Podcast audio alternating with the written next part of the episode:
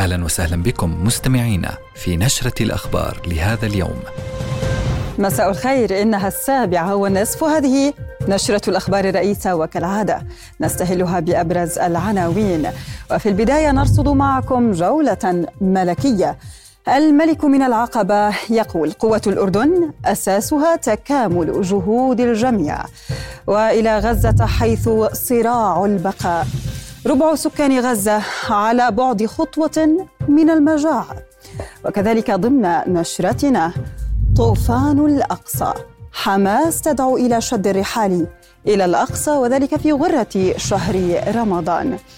وعلى صعيد الاقتصاد معبر إقليمي حجر أساس لمشروع حدود الدرة في العقبة بوابة على السعودية وسائر دول الخليج.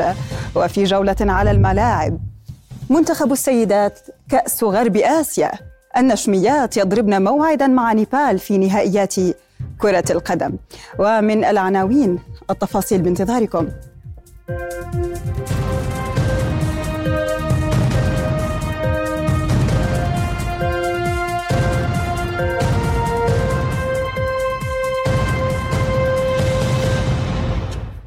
أهلا بكم. هي صورة الأردن الطموح وحلم بات واقعا. بهذه الكلمات وصف جلالة الملك عبد الله الثاني مدينة العقبة أولى محطات جولات اليوبيل الفضي في محافظة المملكة وفي لقاء مع وجهاء وأهالي المحافظة بين الملك أن العقبة اليوم أصبحت مدينة متطورة وعنصر قوة للدولة اقتصاديا وتنمويا وباتت من المدن الرئيسة على البحر الأحمر. وقبيل اللقاء زار جلالته متحف بيت الشريف الحسين بن علي في العقبة الذي أنجز أو أنجز حفاظا على قيمته التاريخية وإرث الشريف الحسين. منذ شيد عام 1917 واطلع جلالته على مقتنيات المتحف التي تسرد محطات مهمة في تاريخ الثورة العربية الكبرى بقيادة عميد البيت الهاشمي مطلع القرن الماضي. وأنعم الملك خلال لقاء بميدالية اليوبيل الفضي على شخصيات ومؤسسات أسهمت بخدمة الأردن والمجتمع المحلي. وإلى أخبار فلسطين ومع دخول العدوان على غزة يومه الخامس والأربعين بعد المئة واصل الاحتلال الإسرائيلي قصف مناطق مختلفة خاصة دير البلح وخان يونس ورفح. مخلفا 76 شهيدا و100 جريح في ثمان مجازر خلال آخر 24 ساعة. وبذلك ترتفع حصيلة ضحايا العدوان من السابع من أكتوبر إلى قرابة 30 ألف شهيد وسبعين ألفا وثلاثمائة وخمسة وعشرين جريح وفق آخر إحصائية لوزارة الصحة في القطاع المنكوب. ومع تحذير برنامج الغذاء العالمي من مجاعة وشيكة شمالي القطاع أعلنت الأنروا أن مساعدات القطاع خلال شباط الحالي انخفضت للنصف مقارنة بالشهر الماضي. وفي السياق حذرت الأمم المتحدة من أن شبح المجاعة بأت يهدد مئات الآلاف من سكان غزة في ظل منع الاحتلال دخول المساعدات وفرضه حصارا مشددا على مناطق الشمال وخلال الساعات الماضية شن الاحتلال غارات مكثفة على منازل المدنيين في خان يونس ودير البلح وحيي الزيتون والدرج في مدينة غزة. ومع احتدام المعارك بمحاور عدة من بينها حي الزيتون بمدينة غزة شمالي القطاع وخان يونس جنوبا أعلنت كتائب القسام استهداف الدبابتين ميركافا بقذيفتي ياسين وتاندوم غربي خان يونس كما أكدت قتل أحد جنود الاحتلال وإصابة آخر بعد الاشتباك مع قوة خاصة من مسافة صفر في ذات المنطقة. وفي وقت سابق أكدت القسام في بيان الإجهاز على قوة راجلة تحصنت بمبنى في عبسان الكبيرة شرق خان يونس بعد استهدافها بقذيفة. كما أعلنت استهداف ناقلة جند بعبوتين في ذات المنطقة. ومع تأكيدها خوض اشتباكات ضارية مع قوات الاحتلال في منطقة عبسان الكبيرة شرقي خان يونس بثت سرايا القدس بدورها مشاهد استهداف تجمعات وآليات شرقي جباليا بقذائف هاون ووسط تلك المعارك أقر جيش الاحتلال بمقتل ضابطين من لواء جافعاتي في معارك شمال القطاع لافتا إلى أن القتيلين هما قائدي سريه وفصيل. كما أفادت هيئة بث الاحتلال بمصرع جنديين آخرين من أصل ثلاثين أصيبوا بفطريات سامة. وبمقتل العسكريين الأربعة ترتفع حصيلة قتلى جيش الاحتلال منذ السابع من أكتوبر إلى 582 بينهم 242 منذ بدء المعارك البرية وفق أرقامه المعلنة. واعترف جيش الاحتلال كذلك بإصابة 26 من عناصره في معارك القطاع خلال آخر 24 ساعة لترتفع حصيلة مصابيه منذ بدء عدوانه إلى 3007 بينهم 468 ضابطا وجنديا. جراحهم خطرة دعا رئيس المكتب السياسي لحركة حماس إسماعيل هنية الأهل في القدس والضفة والداخل المحتل لشد الرحال إلى الأقصى في غرة رمضان. وقال هنية إن الاحتلال يمارس أبشع ما عرفته البشرية من جرائم القتل والإبادة والتهجير في غزة. وأضاف في كلمة له اليوم أن ما عجز الاحتلال والولايات المتحدة عنه من أو عن فرضه في الميدان لن يأخذوه بمكائد سياسية. نؤكد للصهاينة وللولايات المتحدة شركتهم في العدوان بأن ما عجزوا عن فرضه في الميدان لن يأخذوه بمكائد السياسة كائنا ما كانت أشكال التحايل والضغوط التي يوظفونها.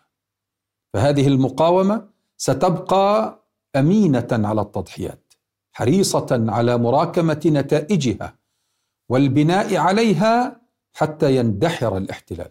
متمسكة بثوابت شعبها وأمتها. وإن أي مرونة نبديها في التفاوض حرصا على دماء شعبنا ولوضع حد لآلامه الكبيرة وتضحياته الجسام في حرب الإبادة الوحشية ضده يوازيها استعداد للدفاع عن شعبنا. يواجه الغزيون مآلات الحرب التي لم تنتهي من واقع إنساني مأساوي في ظل تدمير القطاع الصحي الذي لم يعد يستطيع تقديم خدماته للمرضى خاصة بوجود آلاف الأطفال وكبار السن الذين يحتاجون لرعاية طبية حثيثة. والد الطفلة الغزية دانا التي تعاني من عدة أمراض مزمنة يناشد لعلاجها وإنقاذ حياتها من الخطر. على هامش المعاناة التي يعيشها الفلسطينيون الذين نزحوا من شمال القطاع إلى جنوبه ويتواجدون هنا في المخيمات مخيمات النزوح. ثمة الكثير من القصص الإنسانية الصعبة المتعلقة بالحالات المرضية التي لم تستطع أبدا أن تجد سبيلا للخروج للعلاج داخل قطاع غزة بعد تدمير المستشفيات أو الذهاب إلى خارج القطاع لتلقي العلاج. دعونا نتعرف على قصة الفتاة التي تعاني من أمراض في القلب وضمور في العضلات وهي حالة تحتاج إلى العلاج في الخارج. السلام عليكم. وأنا عندي مناشدة لكل بني آدم عنده ضمير حي، لكل الدول العربية، الدول الأوروبية، المسيحية اللي عندهم يعني إنسانية عندي أنا بنت مريضة قلب مفتوح عملت عملية قلب مفتوح في المقاصد وصار عندها جلطة برجلها اليمين وصار عندها ضعف في الساق اليمين والحين عندها خلل في التوازن. تقدرش تمشي. إحنا طبعا بنعاني معها في في كل الأوقات. عندي معاناة في الحمام فيش كرسي إيه، فرنجي إيه، حمام عربي. وفي كل شيء في الدياقة هذا كل كل نتفه بتوقع. أنا بطالب إنه إيه، يبعثوا لنا دعوة إنه البنت تتعالج. وكتر الله خيركم. موجود علاج هي علاج يعني علاج علاج البنت موجود في غزة؟ هي علاجها بالمقاصد. إحنا كل ش... كل ست شهور بنطلع على المقاصد بتعمل كسترة للقلب توسيع شريان وعندها بدها تغيير صمام رئوي لأنه عملوا له رقعة و... ووضعها صعب يعني. الأدوية متوفرة آه، داخل غزة اليوم آه، في متابعة في المستشفيات ولا إيش الوضع؟ إحنا كنا نتابع لها ملف مستشفى الرنتيسي قسم القلب وهالحين إحنا نازحين في الشمال. هنا فيش متابعة ولا في عناية ولا في أي شيء وفيش مستشفيات فيش أجهزة للتصوير. وإحنا وضعنا صعب وإحنا بنطالب بس إنه البنت تطلع تتعالج و... وبس. طب الآن شو يعني حالتها في كتير حالات زيها ولا فقط هي الحالة اللي يعني ممكن إحنا نحكي تستدعي إنها تطلع برا. والله هو أنا لما بقيت أراجع فيها في الرنتيسي في حالات كثير حالات قلب أطفال. بس بالنسبة لدانا أول عملية صار عندها ضرر في رجلها اليمين عندها جلطة وصار عندها ضعف في الساق وعندها قصر كمان رجل أطول من رجل عندها خلل في التوازن وأنا بعاني كثير وأنا بناشد كل بني آدم ضميره حي إنه يعني يبعث لنا لو تحويلة طبية. وين ما اجى أن نعالج البنت.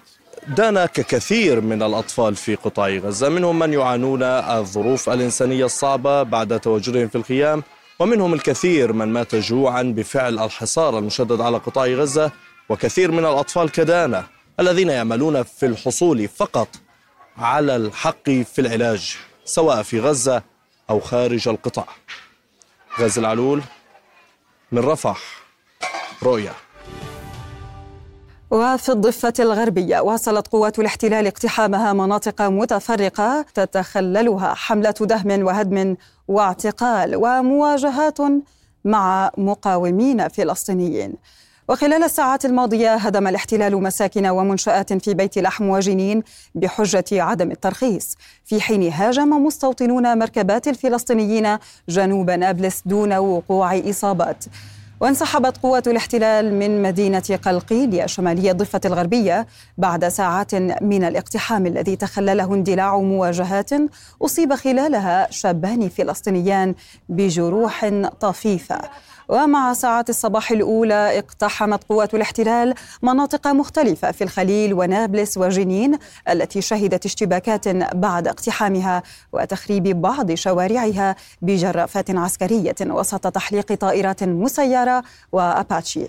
وفي القدس المحتلة اقتحم عشرات المستوطنين باحات المسجد الأقصى بحماية قوات الاحتلال وأدوا طقوسا تلمودية خلال جولاتهم الاستفزازية.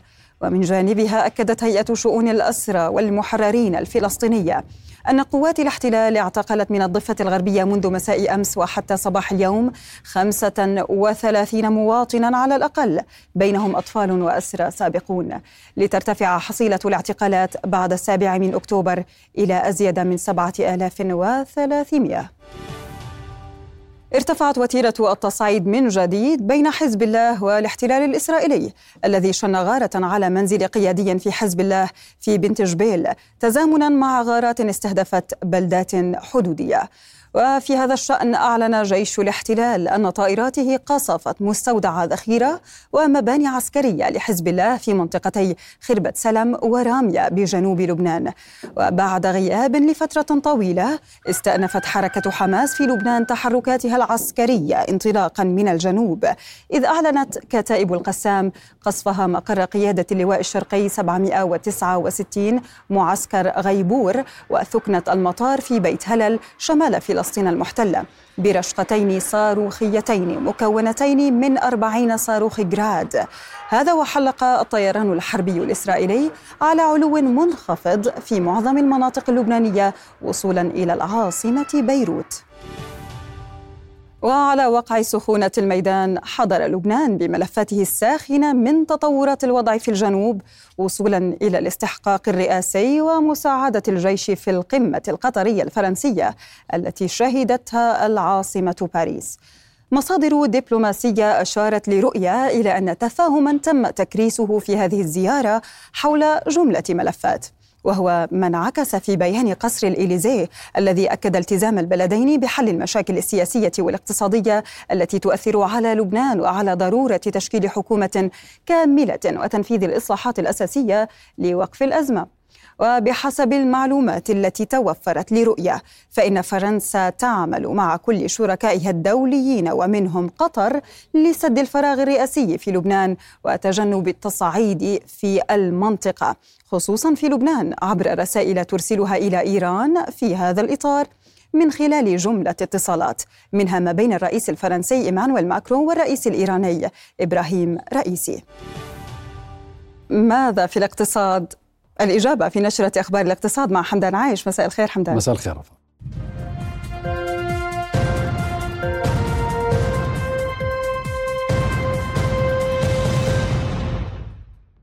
أهلا بكم وضع رئيس الوزراء الدكتور بشر الخصاوني حجر الأساس لمشروع معبر حدود الدرة في محافظة العقبة الذي يربط الأردن مع السعودية ومصر بكلفة 22 مليون دينار بتمويل وإدارة من شركة تطوير العقبة.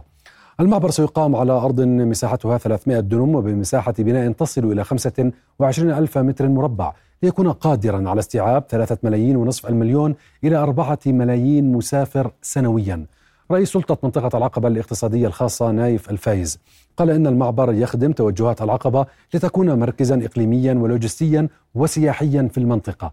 ويتضمن معبر الدرة مسارين إحداهما للسيارات والحافلات السياحية للدخول والخروج عبر جسر علوي ومسار آخر للشاحنات والنقل البري وسيسهم في تسهيل الخدمات والإجراءات على المسافرين بحيث يتم ختم جوازات السفر دون حاجة المسافر للنزول من مركبته.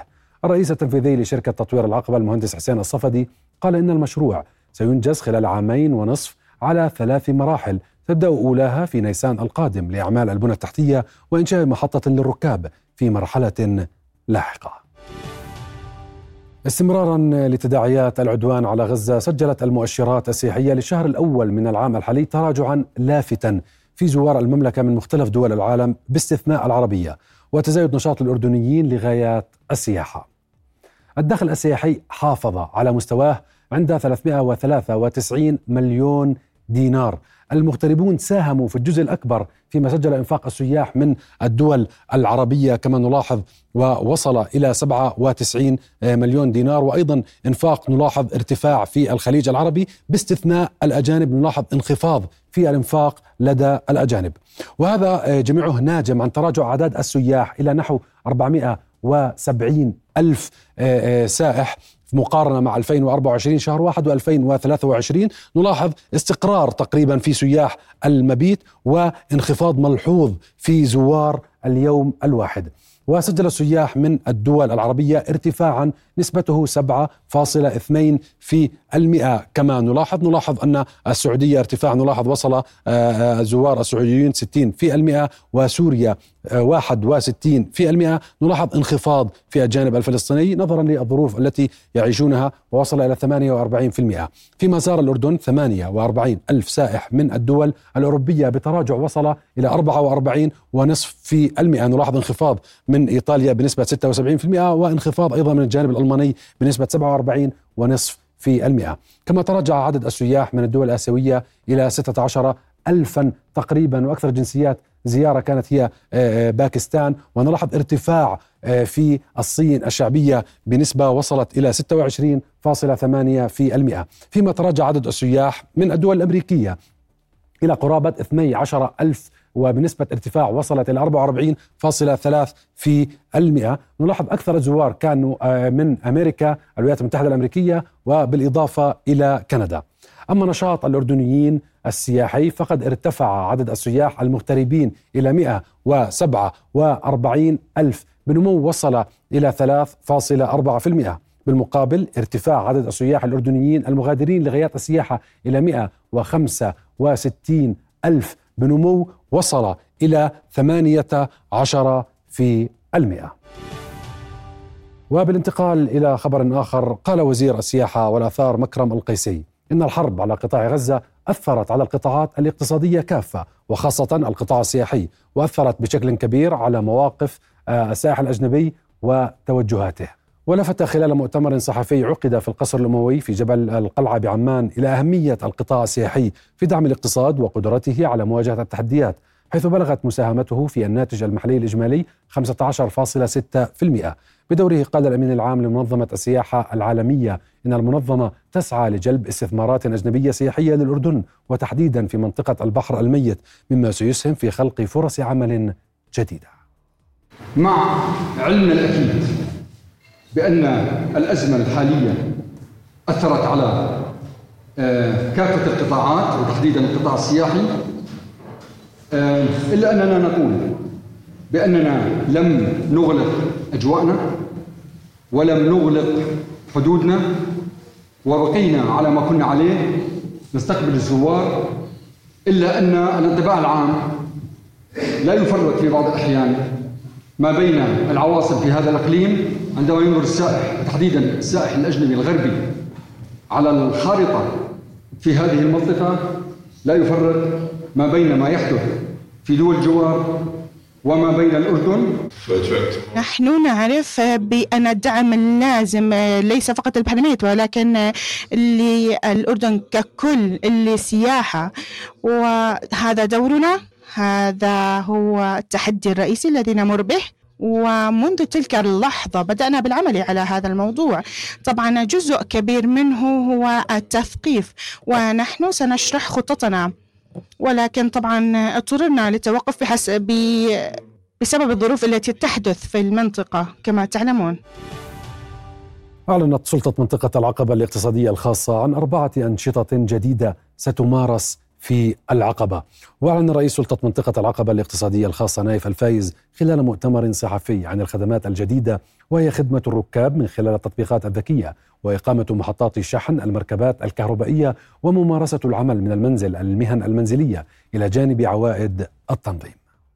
هناك قرار تنظيمي جديد بخصوص عوائد التنظيم في العقبة وأيضا هذا آه، سيعطي خصومات آه، كبيرة على ما يتم تسديده حاليا.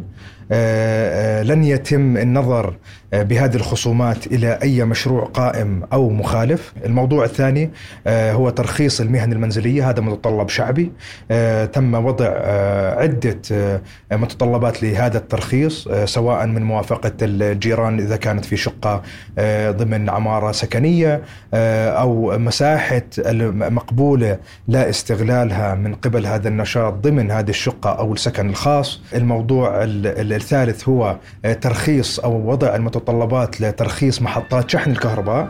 هذا اللي آه، مواكبة لما يحدث الآن في الأردن وفي العالم من التغير من السيارات على الطاقة الاعتيادية أو أو على النفط آه، باتجاه السيارات الكهربائية. الموضوع الأخير هو موضوع آه، أيضا ترخيص البدء باستقبال الطلبات بعد صدور التعليمات ومتطلبات مزاولة النشاط لترخيص أعمال تطبيقات الذكية نقل نقل العام ونقل الركاب. آه، تم الانتهاء منها تم تأجيلها لعدة مرات. آه، تم إعطاء الأولوية للسيارات العمومي للتقدم لهذا الموضوع خلال الأشهر السابقة. واليوم آه، تم قمنا بالإعلان عن بدء استقبال الطلبات من الشركات الراغبة بالترخيص. إلى هنا نصل لنهاية أخبار الاقتصاد. عودة إليك رفع شكرا لك حمدان.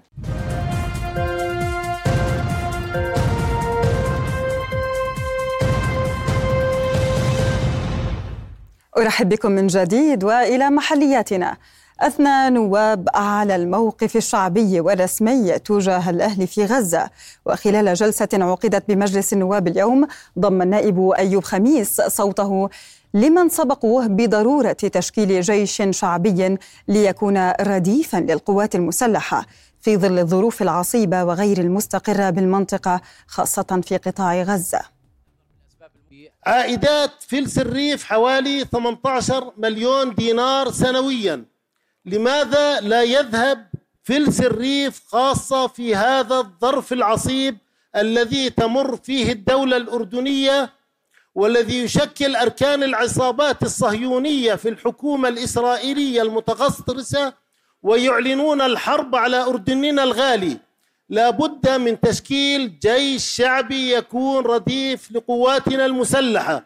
وإنشاء هذا الصندوق يكون نواته فلس الريف وكذلك آه، لابد من مساهمة المؤسسات الخاصة وأهالي الأردن العظماء الذين يهبوا لنجدة الأردن ونجدة فلسطين.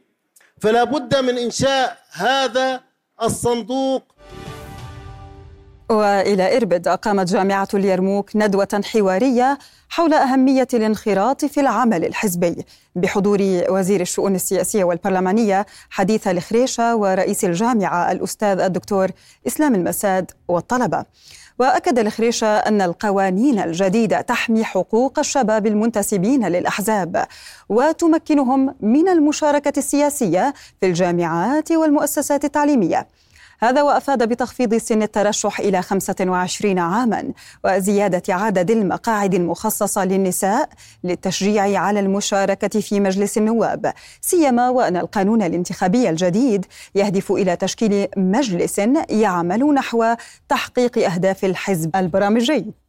تأتي أهمية آه، هذه اللقاءات لنشر آه، وزيادة الوعي آه، لدى الإخوة والأخوات المواطنين من مختلف الفئات العمرية وأبرزها الشباب. كان هنالك حوار حول بعض مواد القانون آلية تطبيقه وكان هنالك تفاعلا كبيرا واللي نأمل إن شاء الله إنه خلال هذا العام تشهد المملكة الانتخابات النيابية لمجلس النواب القادم إن شاء الله. هاي الندوة هدفها عنا اللي هو التمكين عنا السياسي للمرأة والشباب وهي هدف رئيسي في جامعة اليرموك في المرحلة الحالية لانخراط الطلبة في عنا آه، الانتخابات القادمة وأيضا في الحياة الحزبية. ناقشت هيئة تنسيق المجتمع المدني همم أمس قرارات محكمة العدل الدولية الخاصة بدعوى جنوب إفريقيا ضد الاحتلال الإسرائيلي بتهمة ارتكاب إبادة جماعية في قطاع غزة. المحامي شعوان جبارين أكد أن القانون الدولي يعاني من الازدواجية في المعايير مبينا أهمية دعم الدول العربية لجنوب إفريقيا في قضيتها المرفوعة ضد الاحتلال. من جهته أشار أستاذ القانون الدولي الدكتور أنيس القاسم إلى أن الاحتلال قدم تقريره بسرية كالعادة في حين أنه لا يعلم مضمون القرارات. هذا ولفت إلى أن قرارات المحكمة يجب ألا تكون سرية عادة بحسب ما هو متعارف عليه. شهدنا الأسبوع الماضي حراك كبير جدا على مستوى الساحة الدولية. آه، كان هناك آه، جلسات الشفهية قدمت قدمت 52 دولة في مرافعات أمام محكمة العدل الدولية آه، للبت في مدى في قانونية الاحتلال. وبناء عليه اليوم نريد أن نخضع للنقاش. ماذا علينا أن نتوقع؟ هل يمكن لهذه القرارات أن تحدث فرق؟ هل هي سنشهدها؟ خاصة أن إسرائيل هي دولة مارقة وقد أعلنت بأنها لن تلتزم فما هي الأدوات التي يمكن لنا كدول آه، عربية وكمنظمات حقوقية أن آه، نستخدمها من أجل حماية الشعب الفلسطيني؟ لم يبقى أي إنسان يمكن أن لا تقع عليه مسؤولية ولكن المسؤوليات تختلف من آه، جهة إلى جهة ومن شخص إلى آخر بحكم المسؤوليات المترتبة عليه بموجب اتفاقيات أو بالشكل الرسمي. ولكن أنا برأيي جميعنا يجب أن نقف أمام مسؤولية ضميرية إنسانية إضافة للموضوع الوطني إضافة للموضوع الحقوقي. هناك مسؤولية إنسانية على كل إنسان. آه، آه، يشاهد ما يشاهد ويراقب ويتابع ما يتم بغزة من قتل للأطفال والمدنيين. التجويع الذي يتم واستخدامه كوسيلة حربية آه هذا آه لم نعهده بالعصر الحديث آه مطلقا ولا يوجد شيء مشابه لا بالحرب العالمية الثانية ولا بالحرب العالمية الأولى. اشتكى عدد من المواطنين من تهالك طريق دوار الجمرك جسر مادبة ما شكل عائقا أمام سالكي الطريق. برنامج من هنا نبدأ طرح القضية من خلال هذا التقرير. تعد مدينة مادبة مدينة سياحية أردنية ومطار الملكة علياء هي البوابة الجوية للأردن. فلو قرر مواطن أردني يسكن في المقابلين أو القويسمة أو حتى في خريبة السوق ومدينة سحاب إنه يزور مدينة مادبة زيارة سياحية أو حتى يوصل أحد أفراد عائلته إلى مطار الملكة علياء فوجهته راح تكون طريق مادبة. وصلتنا في رؤية شكاوى عن أنه هذا الطريق بيعاني من تهالك وسوء بنية تحتية. فقررنا أنه نخوض التجربة بنفسنا ونتوجه إلى طريق مادبة ونزورها حتى نشوف هل فعلا الطريق يعاني من مشاكل أم لا. تعالوا نستكشف سوا. نحن الآن على طريق مادبة السيارة كثير عم تهتز. آه هذا الطريق بيعاني من المواطنين الأردنيين بسبب تهالك لسياراتهم وخسائر مادية آه لكلف إصلاح السيارات. بالنسبة لشارع مادبة وأنا أحد سكان منطقة اليدودة وشارع مادبة للأمانة للأمانة الشارع متهالك. يعني أنا كثير قدمت شكاوي للأمانة والأمانة بتقول للأشغال الأشغال بتقول للأمانة. فأنا بالنسبة لي عهدك بالله ما أنت محلفنا اليمين. ماني عارف وين المشكلة بالضبط. وإحنا يا ريت يا ريت وزير الأشغال يشرفنا على شارع مادبة. والله العظيم إنه الشوارع كسر سياراتنا ما إحنا متحملين. الوضع مزري شوارعنا سيئة جدا. كان بشارع مادبة ولا اليدوده ولا كل شيء. يجي المسؤول يشوف إيش هو شارع مادبة. إحنا صار عد... شارع مادبة ملجأ لليدودة ولا جاوا ولا خريبة السوق. كله مكسر رقع. منطقة حيوية زي هاي يرقع الشوارع. الله بقوله الحكي هذا. سياراتنا كلها تكسرت. من إيش؟ عدم صيانة الشوارع. يعني ما في مسؤول بيجي بياخذ قرار سليم إنه زفتوا الشارع كامل. رقع رقع رقع رقع. لايمتى؟ والله هو تمام بس يعني إنه بده تعبيد الشارع. كثير في حفر. يعني آه، هذيك المرة طالع بالبكم. والله يعني الكفة فلتت. في جور لقدام عند أيمن الخليلي ومكسر الشارع ومطبات وجور يعني بده تعبيد. اذا يطالب مرتادو هذا الشارع بإعادة تأهيله لما سببه من خسائر مادية لهم ولسيارتهم خصوصا وأنه يشهد حركة مرورية كثيفة بين عمان العاصمة ومادبه غالب جودة رؤيا. من جانبه رد عمر محارمي مدير وحدة الإعلام والناطق باسم وزارة الأشغال العامة والإسكان عبر برنامج من هنا نبدأ بأن الوزارة ستقوم بإعادة تأهيل الطريق بتكلفة ثلاثة ملايين دينار ونصف. وزارة الأشغال العامة والإسكان آه، مدركة أنه هذا الطريق بحاجة للصيانة. لذلك آه، إحنا حنا قبل أيام آه، مشروع على إعادة تأهيل هذا الطريق بطول 9 آه، كيلو 700 متر وبكلفة 3.5 مليون. العطاء الآن تم إحالته وهو في قيد إجراءات للمباشرة بالعمل خلال يعني الأسابيع المقبلة بإذن الله تعالى. صفحة الرياضة مع سميحة مجدلوية مساء الخير سميحة. مساء الخير رفا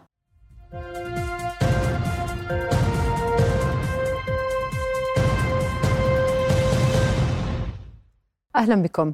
ضرب المنتخب الوطني للسيدات لكرة القدم موعدا مع نظيره منتخب نيبال في نهائي غرب آسيا الذي سيقام غدا على ملعب مدينة الأمير عبد الله الفيصل الرياضية في مدينة جدة. تفاصيل أكثر في هذا التقرير. لا جديد. نشميات المنتخب الوطني لكرة القدم في نهائي بطولة غرب آسيا للمرة السابعة في تاريخه. التأهل جاء بعد تخطي المنتخب الفلسطيني في الدور نصف النهائي بخماسية نظيفة. ليضرب المنتخب الوطني للسيدات موعدا في المشهد الختامي مع منتخب نيبال الذي تجاوز بدوره نظيره اللبناني بهدفين لهدف. تاريخيا دائما ما كان يقدم المنتخب الوطني للسيدات مستويات مميزة في بطولة غرب آسيا حيث يتربعن النشميات على عرش البطولة برصيد خمسة ألقاب من أصل ثمان مشاركات في غرب آسيا مما يرجح كفة الأردن في النهاية على كفة المنتخب النيبالي الذي يشارك للمرة الأولى في تاريخه في هذه البطولة. في هذه النسخة الأرقام متقاربة ما بين المنتخبين حيث حقق منتخبا الأردن ونيبال أربعة انتصارات متتالية وصولا للنهائي. تمكن نشميات الأردن من تسجيل 13 هدفا واستقبل هدفا. في حين سجل منتخب نيبال 15 هدفا واستقبل هدفين. أسماء عديدة مميزة يعول عليها المدير الفني لمنتخب السيدات ماهر أبو هنطش في حسم المباراة النهائية حيث يأتي في المقدمة ميساء إجبارة وآية المجالي وروزبها نفريج فهل سيستفيد الأردن من نجماته في حسم اللقب السابع أم أن طموحات المنتخب النيبالي ستتفوق في نهاية المطاف؟ يستضيف انتر ميلان نظيره أتلانتا على ملعب سانسيرو الليلة في مباراة مؤجلة ضمن الدوري الإيطالي لكرة القدم. ويتربع انتر ميلان على قمة الدوري الإيطالي برصيد 66 نقطة بفارق تسع نقاط عن أقرب منافسيه. في المقابل يحتل أتلانتا المركز الخامس في جدول الدوري الإيطالي برصيد 46 نقطة لذلك يطمح الإنتر لمواصلة نتائجه المميزة من أجل التمسك بصدارة الكالتشيو. في حين يسعى أتلانتا إلى إيقاف قطار إنتر والصعود أكثر على سلم الترتيب. قال المدير الفني لفريق ليفربول يورجن كلوب إن بعض لاعبيه المصابين يحتاجون إلى معجزة للشفاء والعودة للملاعب. ويعاني ليفربول من أزمة إصابات عميقة مما اضطر كلوب للاستعانة بعدد من اللاعبين المرهقين خلال المباراة التي فاز فيها الريدز على تشيلسي في نهائي الرابط كأس الرابطة الإنجليزية. مشيرا إلى أن النجم المصري محمد صلاح تحت المراقبة لمعرفة مدى جاهزيته. أفادت وسائل إعلام سعودية أن لجنة الانضباط والأخلاق في الاتحاد السعودي لكرة القدم طلبت إفادة من النجم البرتغالي كريستيانو رونالدو بسبب تصرفه خلال مباراة النصر والشباب. وتقدم نادي الشباب بشكوى لدى لجنة الانضباط والأخلاق في الاتحاد السعودي ضد كريستيانو رونالدو بعد إقدام النجم البرتغالي على تصرف غير أخلاقي أمام جماهير الشباب.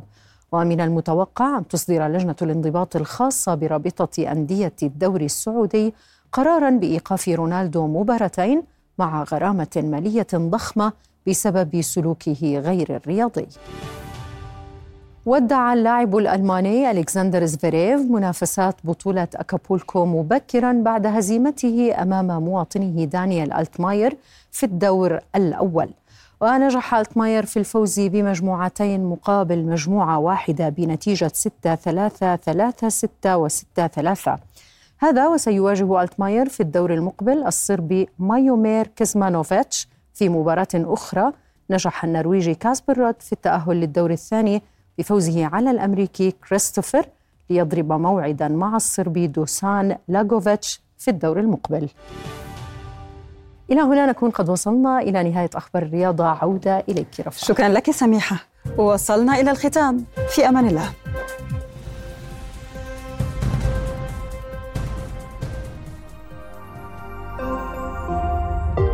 رؤيا بودكاست.